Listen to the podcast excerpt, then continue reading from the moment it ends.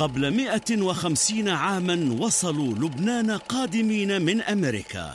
كان هناك استعداد مبطن من تركيبة الجامعة أن تحل الثقافة الأمريكية مكان الثقافة الفرنسية ومكان الثقافة الإنجليزية.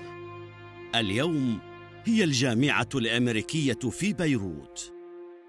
قصة علم وسياسة. القوى الناعمة تحت المجهر من إنتاج الجزيرة.